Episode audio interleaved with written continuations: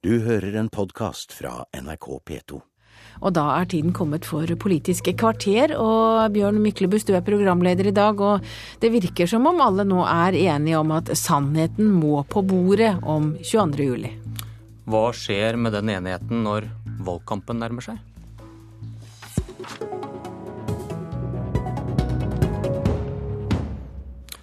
Per Christian Foss og Martin Kolberg, velkommen til Politisk kvarter. Takk for det. Dere sitter i kontrollkomiteen på Stortinget som nå skal finne ut hva som gikk galt før eh, terrorangrepet i fjor. Martin Kolberg fra Arbeiderpartiet.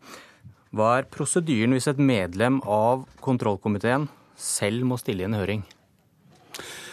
Nei, Vi har jo et uh, slikt nærliggende eksempel nå, faktisk. En helt annen sak. Altså denne, denne, denne tildelingssaken, tilskuddssaken hvor jo mm, Per Kristian Foss, som her sitter, er eh, også bedt om å, å, å møte som tidligere finansminister for å uttale seg. Og det, det er prosedyren er at det går godt an å gjøre. slik at det må, kan vi i tilfelle gjøre hvis det, situasjonen krever det.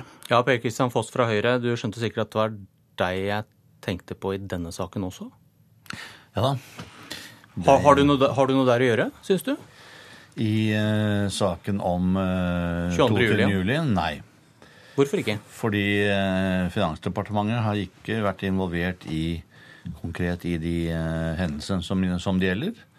Så det å innkalle tidligere ministre der, det finner jeg ikke naturlig. Dem men du, har, men du, du, du har, har, jo blitt anklaget da for å ikke ha gitt penger til Nødnett da du var finansminister, og det må da være relevant?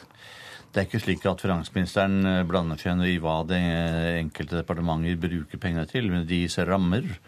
Og det er regjeringen som fatter vedtak, ikke finansministeren. Men der er du og tidligere justisminister Dørum tydeligvis uenige, og det er vel sånne ting kontrollkomiteen skal bringe klarhet i? Ja da. Det å innkalle Dørum er fullt mulig. Men ikke deg? Det finner jeg veldig litt naturlig, fordi at eh, det er regjeringen som fatter vedtak om, om rammer, og det er eh, fagstatsrådene som bruker innenfor rammen. Du, Erna Solberg hun snakket konsekvent om ting som har skjedd etter 2005 i går. Er det, nei, det tilfeldig? Gjorde, nei, det gjorde hun ikke. Det er faktisk feil. Hun snakket om lengre, en lengre periode og utelukket ingenting i forhold til hva som kan, eh, hvor langt tilbake man ønsker å gå. Og Det er altså komiteens holdning, tror jeg. Kolberg, hva tenker du om dette å innkalle ministre fra regjeringer før din? Foss, Dørum? Ja, altså Jeg vil ikke utelukke det, men altså vi skal, vi skal eh, ta dette i tur og orden nå. Og eh, det viktige å få sagt, det er det som introduksjonen her viste, nemlig at også fra eh, posisjonsside og fra Arbeiderpartiets side, så er det som trumfer alt, det er å få fram sannheten og realiteten. Og vi vil i tilfelle ikke innkalle politikere fra tidligere regjeringer med tanke på å sette i gang noe spill rundt dette. Det må i tilfelle bare være for å finne den saklige sannhet om hva som har vært utviklingslinjen når det gjelder utvikling av norsk beredskap. Men vil det være vanskelig å plassere et ansvar for det som skjedde, på andre enn dere, som har sittet på vakt i ja, da seks år når det skjedde? Nei, altså vi vil ikke på noe sett og vis løpe fra uh, det som kommer frem i kommisjonen, og det ansvaret som ligger på den nåværende regjering. Uh, det har statsministeren gjort uh, veldig tydelig, og det er derfor han i går Eh, veldig, det er veldig sjelden at en statsminister sier det han sa i går, nemlig at eh, han beklaget det som hadde skjedd. Og det gjorde han nettopp med bakgrunn i alvoret i saken. Eh, men det er ikke slik at vi ikke ikke vil gå tilbake hvis uh, situasjonen krever det, for at man kan få klargjort den lange linjen i denne saken. Men ikke for å starte spillet, og ikke for å begynne å skylde på andre. Det er viktig å få understreket. Men det er jo da et batteri av politiske kommentatorer som ikke tror på deres edle hensikter når en valgkamp da kommer. Jeg kan ta en overskrift i VG i dag. eller De, de snakker om borgerlige strateger som da har sagt til dem at de vil at denne saken skal vare inn i valget, for å svekke Stoltenberg og eh, troen da på Arbeiderpartiets styringsdyktighet? Vel, jeg eh, finner det veldig vanskelig å argumentere mot overskrifter. Og særlig tabloidpressen. Men du kjenner de borgerlige er, strategene, kanskje? Eh, nei, det kjenner ingen som mener noe slikt. Det som er denne komiteens jobb, er faktisk å kartlegge fakta. Og så bruker man den tid som er nødvendig for å gjøre det på en skikkelig og ordentlig måte. Vanligvis har denne komiteen faktisk vært eh, enig tverrpolitisk. Ofte har vi hatt samstemmige konklusjoner også i en del saker. Og i denne saken så tror jeg det er mange spørsmål som henger. Hvordan kunne det gå så galt? Hvilke råd fikk man? Og hvorfor fulgte man de ikke? Det er det viktig å få kartlagt. Og det er en lang prosess med mye høringer. Og den skal vi starte på så fort det er mulig. Gjerne før Stortinget samles. Kolberg, Kolberg, tror du virkelig ikke at valgkampen kommer til å ha noe å si for hvordan denne saken kommer til å forløpe? Altså Det er ingen tvil om at denne saken kommer til å bety noe kommer til valg, fram til valgkampen. Men vi, da tror jeg også at det kommer til å være veldig mange andre saker som kommer til å stå på, på dagsordenen når vi kommer dit.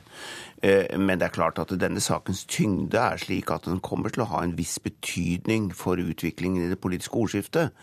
Men jeg mener at vi for vår del iallfall er eh, helt nødvendig å finne sannheten, og derfor så sa vi veldig tidlig at denne saken måtte til kontrollkomiteen, og at redegjørelsen burde sendes over der som grunnlag for komiteens arbeid. Men hvordan forklarer Men du at opposisjonen i går er såpass mistenksomme i forhold til at de føler at Stoltenberg da ikke svarer på, på ja, helt sentrale spørsmål i hvorfor ting gikk galt? Det er jeg jo helt uenig med opposisjonen i, at han ikke svarte. Jeg mener at begge redegjørelsene var veldig gode, de var veldig fyllestgjørende, og han svarte på alle hovedspørsmålene som ble bestilt.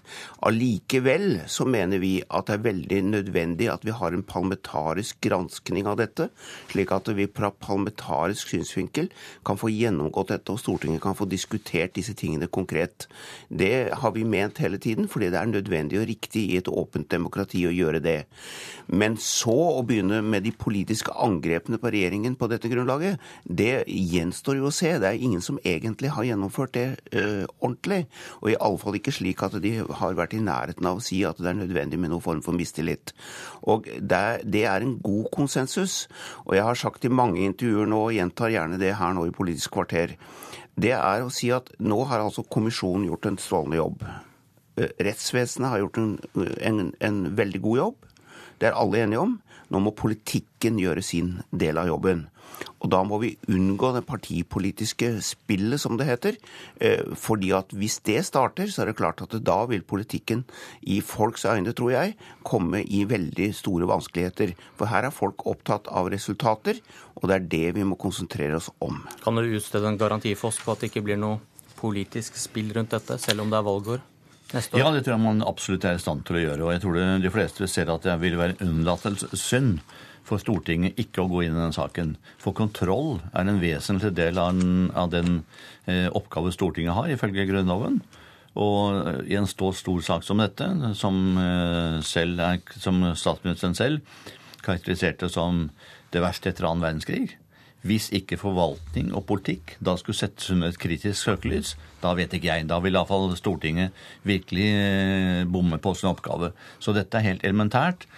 Og jeg tror man er i stand til å gjennomføre dette på en skikkelig måte. Den som forsøker å skape et spill ut av det, ved å, om, ved å begynne å snakke om mistillit og riksrett, tror jeg feiler. Vi får se. Per Kristian Foss, Martin Kolberg, takk for at dere kom. Vi treffes kanskje igjen i valgåret 2013.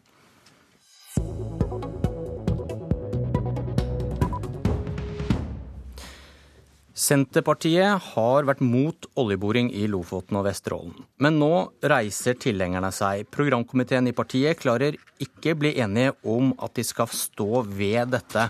Erling Sande, du er leder av energi- og miljøkomiteen på Stortinget for Senterpartiet. Og du er med oss fra oljehovedstaden Stavanger, der det er oljemesse. Og du kan umulig være blant venner?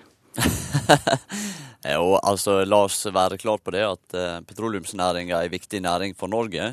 Eh, men i Senterpartiet har vi hatt en holdning om at vi skal prøve å få disse ressursene til å vare lengst mulig.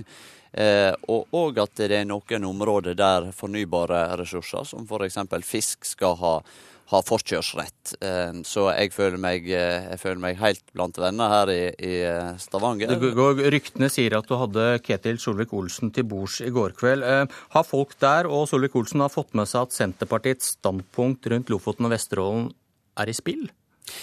Ja, jeg syns jo det å si at at standpunktet i spillet et, et sterkt ord. Altså, det er vel det hvis programkomiteen ikke er enig om formuleringen? Jo, men vi skal huske at disse spørsmålene har jo vært tema på landsmøtet eh, så lenge jeg kan huske. Altså hvordan vi forvalter petroleumsressursene er jo en levende diskusjon i Senterpartiet, og vi har tradisjon for å, å bringe våre diskusjoner eh, opp i, opp i, det åpne rom, og også ned til medlemmene. Vi har 18 000 medlemmer som nå skal sette seg ned og jobbe og gi innspill til, til dette programmet, og det vil jo være deres mening eh, som til slutt avgjør hva som skal være partiet sitt standpunkt, men jeg føler meg rimelig trygg på eh, at eh, det er mange nok av oss motstandere i, eh, i partiet som, eh, som fortsatt vil være på banen, og, som, og jeg tipper, da, uten å forskuttere noe, at, eh, at, vi vil holde på den linja vi har hatt når det kommer til dette spørsmålet om Lofoten og Vesterålen. Men hvor viktig er dette for deg? Kan du akseptere et nederlag?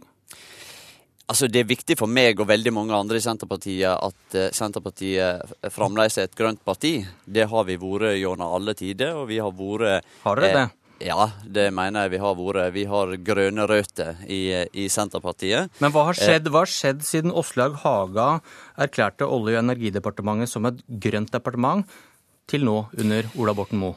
Jo, Det som har skjedd eh, disse åra med Senterpartiet i Olje- og energidepartementet og rød-grønn regjering, er jo at vi har hatt en massiv satsing på fornybar energi. Vi har styrka Enova og har fokus på energieffektivisering. Og vi har nå fått på plass et nytt fond òg, eh, som i lag med selvfølgelig da stortingsflertallet, men som skal satse på eh, miljøteknologi bl.a. Så det har skjedd veldig mye god, eh, kommet veldig mye god grønn politikk de åra som Senterpartiet har styrt eh, Olje- og energidepartementet. Men Senterpartiet i opposisjon mente at redusert utvinningstempo var en god klimapolitikk. Ja, og Senterpartiet... Det gjør dere ikke lenger? Nei, altså Senterpartiet har jo programfesta det at vi skal spre disse ressursene utover i tid. Eh, og vi har jo òg eh, i regjering, eh, etter mitt syn, eh, ført en eh, fornuftig politikk når det gjelder petroleumsutvinning. Og så kan en diskutere eh, tallet på blokker som blir tildelt hvert år og lignende. Men, men, jeg mener synet på Lofoten og Vesterålen går inn i dette bildet. Ved at vi har holdt tilbake på disse områdene, så har selskapene på sokkelen måttet konsentrere seg om kjente områder.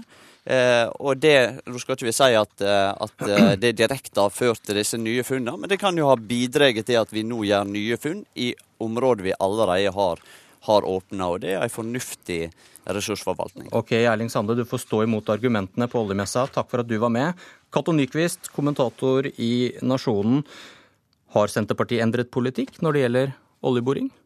Ja, altså, Jeg tror nok at vi ser en reell høyredreining i Senterpartiet. Eh, det kan jo være snakk om generelle strømninger eller en motreaksjon etter at man har sittet sju år i regjering med to venstrepartier. Men, eh, men, det er jo sånn at i bunn og grunn så er jo Senterpartiet et næringsparti.